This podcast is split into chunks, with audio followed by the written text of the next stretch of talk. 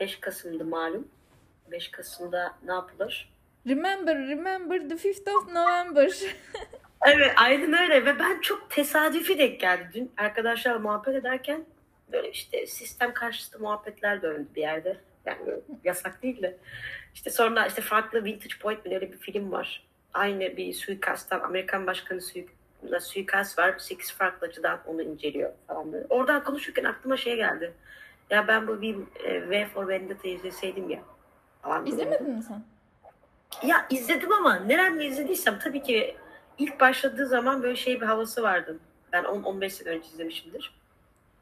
Evet. Üniversitenin adam, başında falandık herhalde.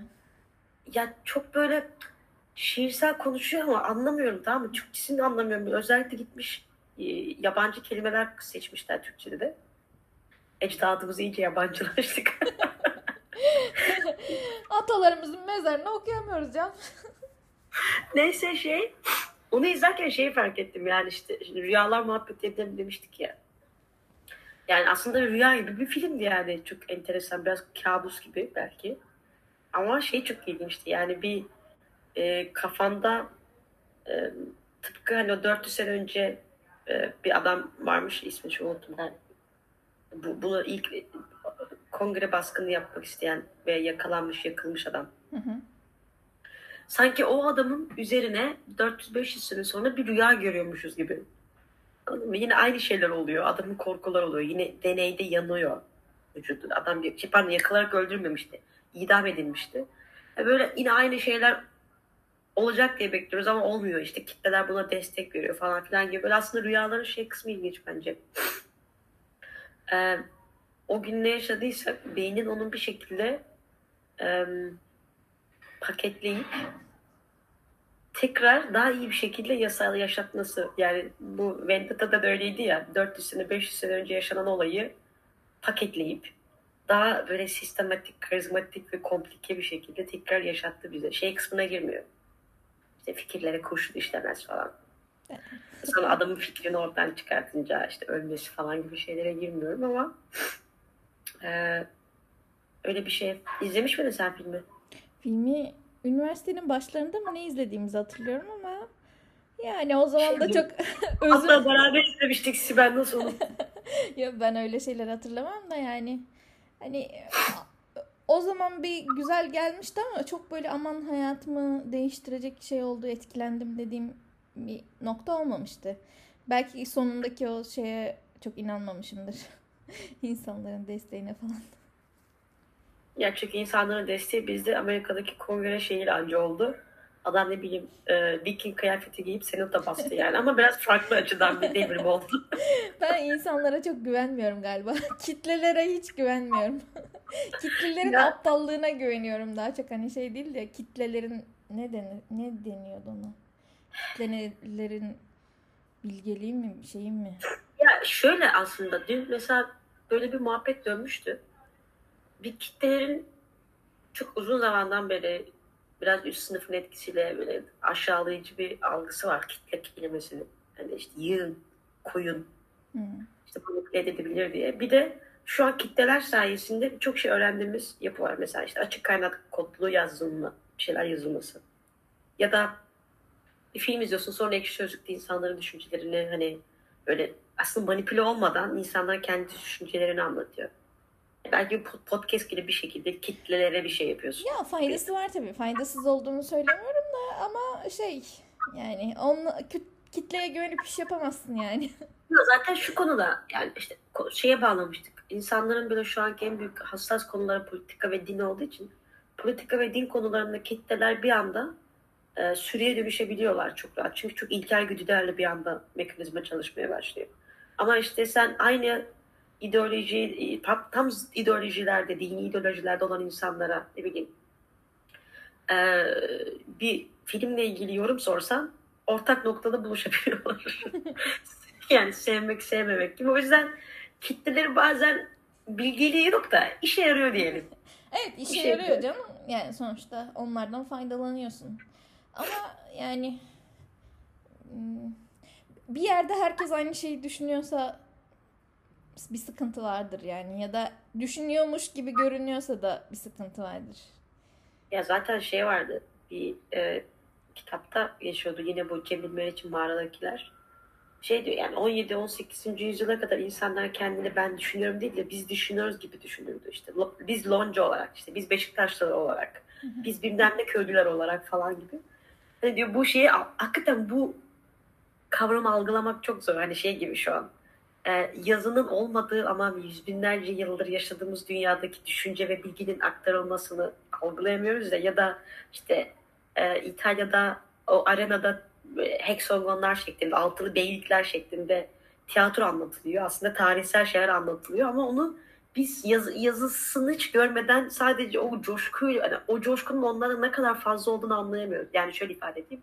Şu an biz tiyatroya gidince çok eskisi gibi heyecan duymamızın sebebi kelimelerin artık gücünü yitirmiş olması söz olarak. Çünkü yazılı olarak çok hayatımızda. Şimdi onun gibi böyle algılama ihtimali neredeyse imkansız çünkü beynimiz öyle şekillendi artık yazılı dünyada. Ama şeyde e, birey konusunda da bence öyle. Hani bir grup olma olan ancak böyle küçük kırsal yerlere gittiğimiz zaman hani çok fazla böyle birey kafasıyla beyni yıkanmamış. İnsanlarla konuşunca hani en fazla hani aile bile demiyor. Aile bile modern bir kavram ya aslında. Hani böyle sen ben çocuğum kavramı. İşte biz mahalle falan gibi konuşmaya başlıyoruz. Sülale biz var bizde. Sülale var. Ya da işte şey diyor. Yani evde üşüyorum demiyor da kışın. Kışın biz burada çok üşüyoruz. Hani biz komple bu köy olarak. o yüzden şey e, o kavram çok yeni yani onu algılamamız da çok zor galiba ama o yüzden kitleler olarak düşünmemiz çok yani küçümseyemiyorum da çünkü öyle beynimiz evrilmiş o şekilde. Ama işte düşünüyor olmak, birey olmak anlamına da gelmiyor. Ya da işte o kitleler halinde düşünen insanların yani grup halinde düşünen insan da salak hiç düşünmüyordu. Kendisinin farkında değildi. Bir onu Descartes buldu falan gibi bir şey diyor ki yani düşünüyorum öyle seviyorum. Hani biraz öncelik noktasını değiştirilmiş. Evet. Çünkü tek başına düşündüğü zaman götün açıkta kalabilecek bir hayatın olabilir o çağda. Yani bu çağda da tek başına olduğun zaman sonuçta illaki birilerine ihtiyacın var. Zaten oraya bağlayacaktım. Yani kitleler anlam, anlamında manipüle olmaya çok açık insanların da tek başına düşündüğü zaman biraz götü açıkta kalıp üşüyecek bir sosyal ortamda olma ihtimali yüksek. Yani aynı adamı al, bilmem ne köyündeki o muhafazakar ortamdan çıkar getir buraya koy. Sana dün şeyi gönderdim gördün mü? Madrid Belediye Başkanı'nı. Madrid Belediye Başkanı Isabel. Görmedim. Çok e, hoş bir kadın tamam mı? Baya bizim bu ara kadınlar çok fazla var. Barcelona Barcelona Belediye Başkanı biseksüel zaten. Kendisi genç. O yüzden LGBT falan çok destek veriyor. Evli çocuklu. Ama saklanmak için evlenmemiş. yani hayat öyle gitmiş. Ama mesela ekranlarda sürekli işte LGBT, LGBT şey mesela trans birisiyle bir etkinliğe katılıyor öpüşüyorlar falan televizyonda. Hani böyle şey olsun. Nasıl yani falan hani. Barcelona'ya yakışır bir belediye başkanı. ya da Madrid'in belediye başkanı da çok güzel bir hatun. Ee, ilki biraz da bir yaşlanmış. Ama ikincisi biraz daha genç. Bizim spektrumda. Neyse şey e, dün bir videosunu gördüm de e, bir kadın dans ediyor işte. Bizim MTV, e, Kral TV müzik ödülleri gibi bir şey var. Kadın da orada oturuyor belediye başkanı ve dans eden bir kadın geliyor buranın gülşeni gibi düşün ama yani yani o kadar çıplak ki hani Gülşen'de yine giyim var. Arkasına döndüğü zaman papasının arasından böyle tango gibi bir şey oluyor yani. O kadına dönüyor kucak dansı yapıyor. Tamam mı bizim kadın? Ee, Madrid'de bizim Isabel de işte ellerini böyle kaldırıyor destek oluyor falan. Dedim ki ne oluyor? vatan, vatan elden gidiyor, aile elden gidiyor falan. Şaka bir yana şey dedim yani o İspanyol halkının buraya... kültürünü bozuyorlar. Örf ananesini bozuyorlar. Ben buraya kültürünü bozacağım diye geldim. Beni bozdular yani. Neyse şaka bir yana şey e, o muhafazakar köydeki adamı getirir. Sen buradaki o, Isabel'in yanına koy. Bir anda birey olmaya başlar. Çok sevdim bunu. Hani bizim köy sevmez ama ben çok sevdim. İşine gelir çünkü orada kimse onu yargılamaz. O yüzden birazcık da şey hani bu e, V for Vendetta bunu ne? Vendetta için Türkçe nasıl çevirdiler bunu? Bilmem. Hiç bilmiyor olmamız peki. Hiç gördüğümü bile hatırlamıyorum. Salak bir şey çevirisi var. Alev bir kız vardı yan koğuşta yatan. Adam onun mektuplarını alıp böyle gaza gelip işte intikam yapıyormuş gibi bir algı yaratmışlardı ama Vendeta'yı bilmiyorum. Neyse o filmde de şey var ya herkes korkuyor önce. O korkuyu yenmek için e, kitle olman gerekiyor mesela. Şimdi aklıma İran geliyor. İşte İran'da Moldaların sarıklarını düşürüyorlar ya. Kadın hiçbir zaman tek başına gidip onu yapmıyor. Birisi kameraya çekiyor. Arkasında bir kitle var. Yani o adam aslında ne kadar güçsüz olduğunu anlatabilecek şey karşısında hani çıkışta gel deyip e, mahalleyi toplayıp gitmek. Tek başına gitmiyor zaten kimse. Böyle çıkışta mahalleyle geliyor. Vendetta'da da öyleydi. İlk başta insanlar e, korkuyorlar, evlerindeler. Ama sonra yavaş yavaş yavaş yavaş böyle küçük küçük mesela şeyle başlıyor galiba. Bir tane polis bir kızın maske taktığı için o kızın olmadığını bile bile öldürünce bizdeki kitlenin hani mahallenin şeye gelmesi gibi galeyana gelmesi gibi gidip o adamı öldürüyor ve korku şeyi yıkılıyor. O yüzden şey kitleler bu açıdan işlevsel olabiliyor yani uzattım ama ve değişik değişik örneklerle. Faydalı. Yani ara ara. Ya kitlede biz içeride nasıl oluyoruz diye düşünüyorum. Mesela ben kitleyi anlamlı anlamda şöyle kullanıyorum. Yani bir ürün alacakken yorumlara bakıyorum. Yani çünkü olumlular da oluyor, olumsuzlar da oluyor. Hatta e, bir beşe bakacaksın, bir, bir yıldıza bakacaksın. Yani, e, sonra ne bileyim ekşi sözlük gibi yerlerde, forumlarda izlediğim bir filmin daha değişik ya da gittiğim bir tiyatro oyununun daha değişik şeyini, e, bakış açısını görmek için. E, sosyal medyada abi yani sen e, birçok insanla o ortamda tanışıp ya da onların düşüncelerine girip hani şeyi aşabilirsek bir narsistik bölümümüzün sosyal medyanın ben çok güzelim, ben çok tatlıyım falan gibi o kısım aşıp böyle fikirleri paylaşmaya geçilirse belki hani işte ne bileyim sen diyelim bir konsere gidiyorsun, oradan video paylaşıyorsun ya da bir komedyenin şovuna gidiyorsun. Aa ne kadar güzelmiştik ben de gidiyorum. Güzel bir şey oluyor.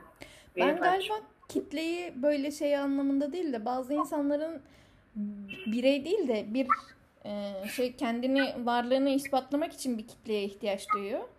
Yani bir grubun parçası olma ihtiyacı duyuyor. Yoksa yokum gibi bir şey oluyor. E, ya da çoğunluk olma ihtiyacı duyuyor. Çoğunluk değilsem ezilmişimdir ya da çoğunluk olmamız lazım gibi bir motivasyon oluyor. Ben de çoğunluk olma gibi bir şey tarafı çok yok galiba. Ben tam tersi benim beklentim o kadar düşük ki yalnız değilim ispatlasam bana o da yeter. Hani benim gibi düşünen birkaç kişi daha var ya da atıyorum e, bir şey oluyor saçma sapan bir konu oluyor. O içeriğin altındaki yorumlara bakıyorum. Yorumlara bakarken şeyi merak ediyorum. Benim gibi düşünen kimse yok mu ya burada diye bakıyorum. Böyle atıyorum herkes bir, bir içeriği övmüş. Geçenlerde konuştuk ya. O zaman şey oluyorum. Ben yalnız mıyım ya? Benim bu kadar mı yalnızım? Hani bir kişi daha bulmam lazım benim şeyimi ne diyeyim? Ee, acayip olmadığımı ispatlamak için. Aslında ben de normalim demeye çalışıyorum orada galiba kendime. Ya buradaki aslında bilinçaltı bile öyle ya. Normalim yani. Bir, lütfen beni dışlamayın. Ama ben de normalim. ya şey bizde şey kafasından çıkmamız işte o yüzden çok yüzyıllar alacak galiba. Yani bilmiyorum belki de çıkmayacağız. Ee, çok fazla bireysel yaşamamıza rağmen aslında genel olarak toplumda özellikle batıda hala kitlesel anlamdaki o desteğe ihtiyaç duymamızın en çok sömüren şey sosyal medya zaten şu an ve Twitter gibi olanlar. Ee, politika falan. Ama yani ne zaman acaba o güdülerimizi hani şey vardır ya işte evrimsel olarak şunu yapmaya meyilliyiz ama işte evrimsel atıyorum ben şey inanıyorum. Evrimsel olarak öldürmeye meyilliyiz. Öbür türlü yaşayamayız. Ve öldür bir şey öldürebilmemiz için de ay ben buna kıyamam şimdi falan gibi değil. Hafiften zevk almamız da lazım. Yani hani affedersin sıçarken acı çeksen yani kabuz oluyorsun zaten. Yani çekmemen zevk alman lazım ki bir rahatlama duygusunun olması lazım ki e, bu pis olayı yapabilirsin. Şimdi öldürmek de çok güzel bir şey değil tabii ki. Ama zevk almamız lazım yani bir şekilde. Ya da yani sapıkça konuşmayayım da yani bok benzetmesiyle gidersek belki biraz daha şey olur. Yani pis bir şey yapıyorsun ama hafif bir rahatlama gelmesi lazım. ya da sana bir şey katıyor olması lazım. evet yani bir şey çıkacak bir şey girecek falan bir bağlantın olması Atıyorum lazım. E, et yemek istiyorsun ama hayvanı öldürmekten zevk alıyor olmana gerek yok. Ama şeyi hayal ediyor olabilirsin ya Tamam bunu öldüreceğim ama sonra karnım doyacak. Şu an açım.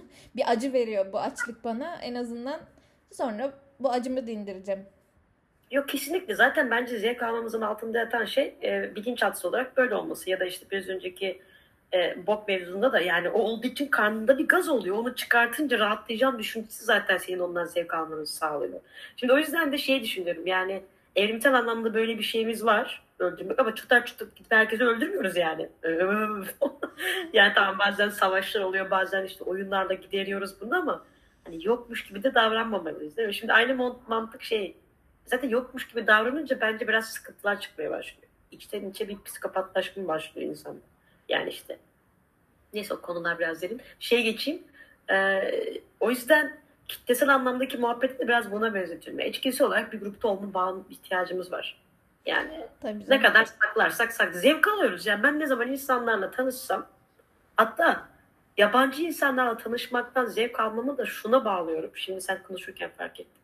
Şu an elimdeki olanlar belki bana yeteri kadar grup psikolojisi vermediği için yani yeteri kadar belki o güven hani şimdi sözün meclisten dışarı senden bahsetmiyorum ama hani böyle o eksikliği yaşadığım için sanki hep görüştüğüm değil de yeni bir insanla tanıştığım zaman yeni bir grup, yeni bir e, dünyanın içerisine girip orada olma ihtiyacının içgüdüsü olabilir. Yoksa çok dışa döneyim falan diyen insanların belki altında araştırılması gereken şey içten içe grupla bir şey dinamiği yaşıyor olabilir. Yani gruba biraz daha uyumsuz insanlar dışa dönüklükle e, içerideki gazı çözüyor olabilirler. Bilmiyorum şu an kastım bir şey ama ilginç bir bakış açısı olabilir. Ya ben kendimde şey görüyorum. Ben hani sen de katılırsın bence. Yalnızlığa en iyi adapte olabilmiş bireylerden olduğumu düşünüyorum. yalnız yaşamaya, yalnız düşünmeye, ne bileyim bir şekilde ayakta kalmaya. Ee, ama mesela özellikle bu evden çalışmaya başladığım dönemden sonra daha da o yalnızlık bir arttı. Ve o zaman şey görüyorsun ya bir şekilde benim bu insanlara ihtiyacım var. Aslında ihtiyaç olarak değil ama e, bir sosyalleşme, bir sohbet etme, bir dokunma, bir ne bileyim beraber bir şeyler yapma onlara ihtiyacım var yani. Ve bu tanımadığın insanlarla da olabilir. Bir etkinliğe katıldığında o insanlarla beraber gülüyor olmak da olabilir. Ya da mesela yeni ev ararken normalde ben hiç şey kaygısı duymamıştım. Etrafımda tanıdığım insanlar olsun kaygısı duymamıştım. Öyle bir şeyim yoktu. Ama yeni ev ararken şey oldum. Mesela ıssız yerlerde genelde ev, evler daha ucuzdu. Bakıyorum ev çok güzel. Muhteşem. Ama diyorum burada beni kesteler kimsenin haberi olmaz. Ya yani ben hayattan şey beklediğimi anladım. Ben öldüğümde bir hafta sonra bulunmak istemiyorum. Yani en azından makul bir sürede bulunmak istiyorum şeyini hissettim. bir sürü şey açtım kafamda ama aklıma şey geldi. Bazen ben de hani ev dağınık olduğu zaman ya da işte paçoz takıldığım zaman şey diyorum. Ya Allah muhafaza ölsem rezil olacağım. Yani azıcık toplayıp yatıyor. bu, bu arada bu benim annemin e, hayat mottosudur. Öldüğünde bulunduğunda rezil olmaman lazım işte mesela şey diyelim ki banyo yapmadın tamam mı? Ya da işte çamaşırını değiştirmedin. Ya ölürsen ve seni böyle bulurlarsa.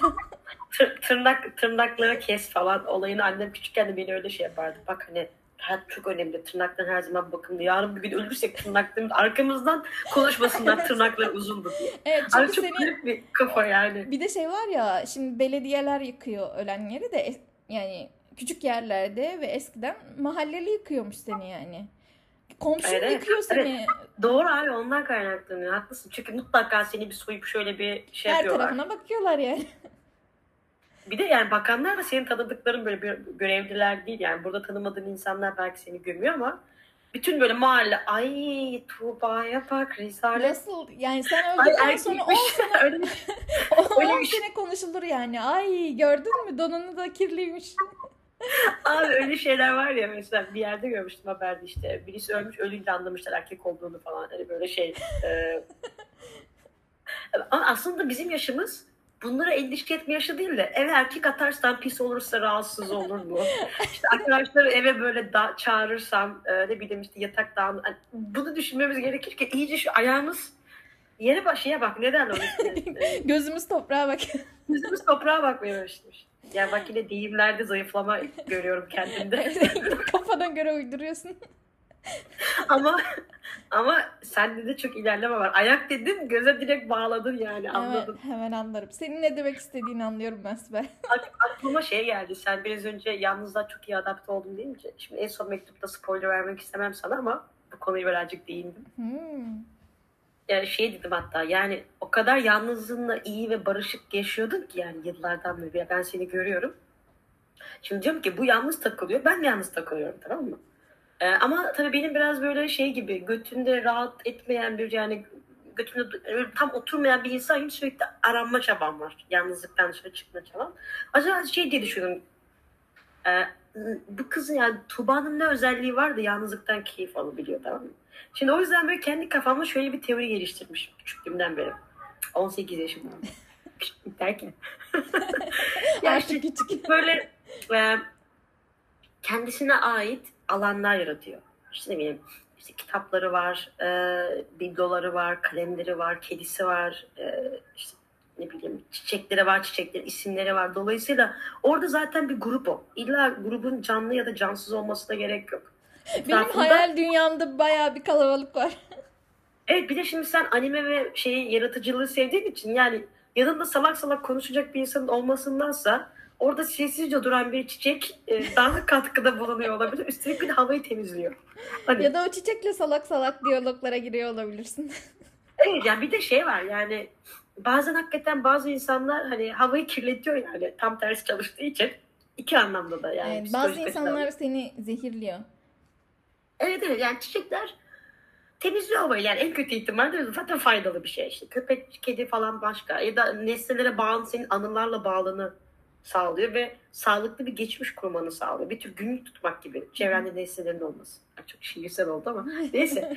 Bunları görünce ben de şöyle hissediyorum. Ulan bende hiç bunlar yok tamam mı?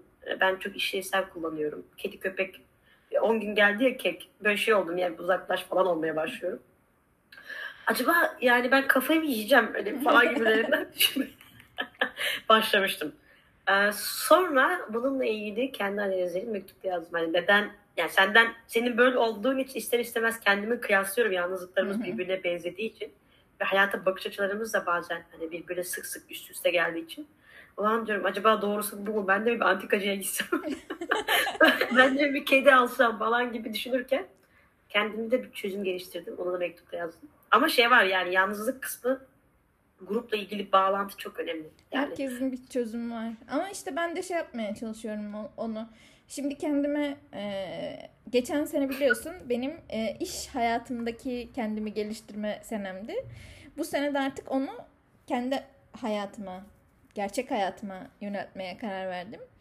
Mesela şimdi kendime haftalık şeyler, hedefler veriyorum. İşte e, ayda en az bir kere bir sosyal etkinliğe git işte tiyatro olur, gösteri olur, konser olur, bir şeye git. İşte haftada bir kere arkadaşlarınla görüş, görüş. İşte onlarla bir şeyler yap. Yani o, hakikaten bazen şey yapıyorum. Rehberi açıyorum. bakıyorum.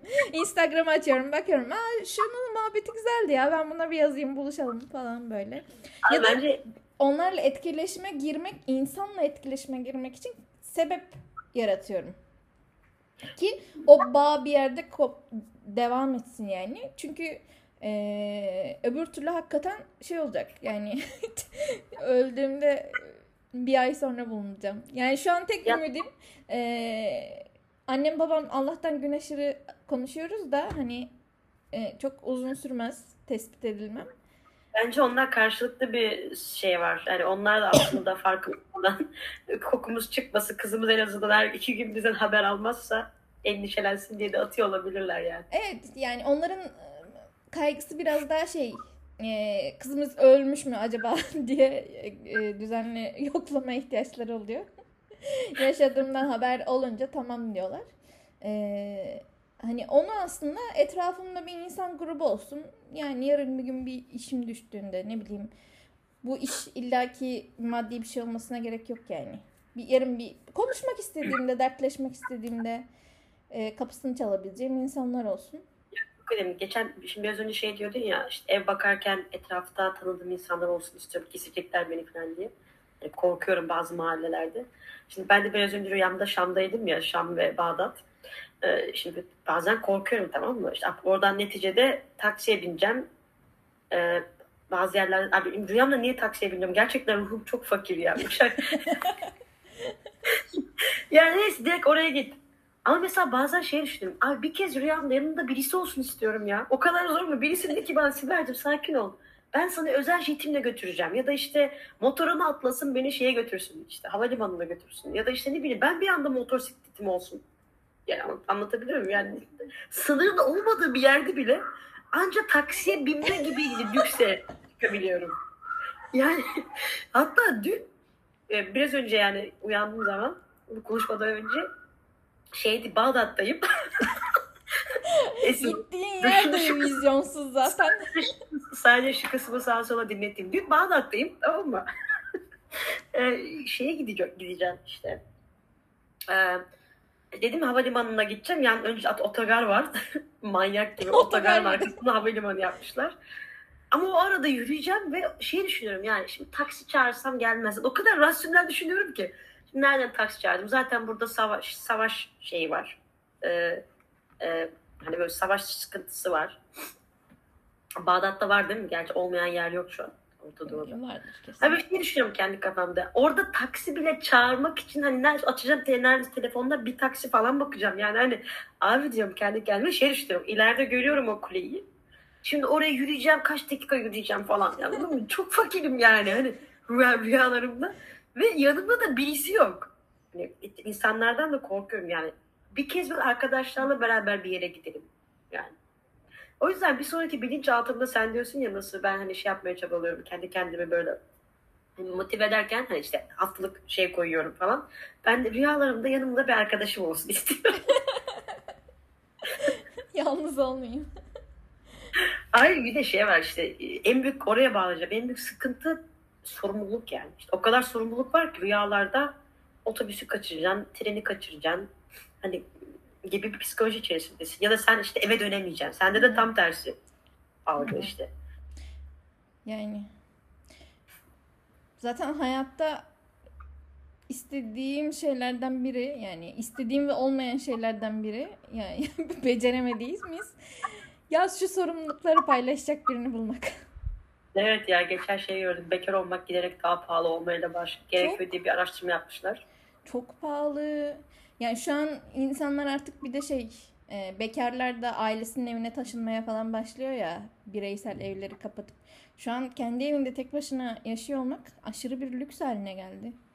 O yüzden şey maddi manevi şu yükleri üzerimden atacağım biri olsaydı şeyine giriyorum bazen. Ya, Ama... İspanya'da yıllardan beri en büyük sorunlardan bir tanesi bu evden e, burası da fakir bir yer aslında. Avrupa'nın en fakir yerlerinden bir tanesi. Avrupa'nın Gazi Osman Paşası. Ama e, genel şey belediye başkanı biseksüel falan. Öyle şey gibi fakir de olabiliyoruz. Neyse e, ilginç bazı teknikleri var bunları çözmek için. Sorun şu. E, gençler e, ev kiraları çok pahalı olduğu için Barcelona gibi yerlerde ailelerin yanından ayrılıp kendi eve çıkma yaşları 29-30. Yani ee, Zaten geç aslında. Çok geç. Yani ve düşün hani öğrenciyken paylaşmak değil bu. Çalışırken paylaşıyorlar. Hatta yani ben burada geçen birileri işte buluşmaya çıktığım zaman e, adam 35-40 yaşında iyi de bir işi var gibi anlatıyor. E, ev paylaşıyor artık. Bir yerden sonra da kültür hale geliyor. Anlatabiliyor muyum? Şey değil yani e, niye daha fazla para vereyim ve gelmeye başlıyor insanlar. O yüzden işte belediye işte ya da şey çözmek için sana bahsetmiştim fakir yardımı dediğim şey aslında 35 yaşına kadar olan e, eve çıkmış ya da oda paylaşan insanlara, gelir düşük olan insanlara devlet işte 150-200 euro bir ekstra şey yapıyor. Yani işte ev kirasının %20'sini e, ya da oda kirasının %50'sini 60'ını ödemek istiyor. Hani çıksınlar. Çünkü bu şey için çok önemli yani devletin bireyi yaratıp aileyi böyle e, çünkü ne zaman sistem ve para yani sistem kazanıyor? Parçalandığı zaman. Eğer hepimiz bütün aile, bütün sülale aynı evde yaşarsak ihtiyaçları böleceğiz, masraflar azalacak. Dolayısıyla sistem GDP'miz düşecek yani anlatabiliyor muyum? Kim alışveriş yapacak? Kim alışveriş yapacak? Ya da işte çoklu alışveriş yapacaksın. Ee, daha az tüketmeye başlayacaksın. Daha sosyalleşeceksin. Çünkü sosyalleşme ihtiyacını evde gidermeye başlayacaksın falan. Onu önlemek için aslında tatlı tatlı herkes herkes kendi ayrı evine çıksın falan gibi öyle bir küçük e, hile yapıyorlar. Ama şey sıkıntı yani evde e, yaşayamamak tek başına e, masrafların artmasından kaynaklanan katılıyorum yani ona.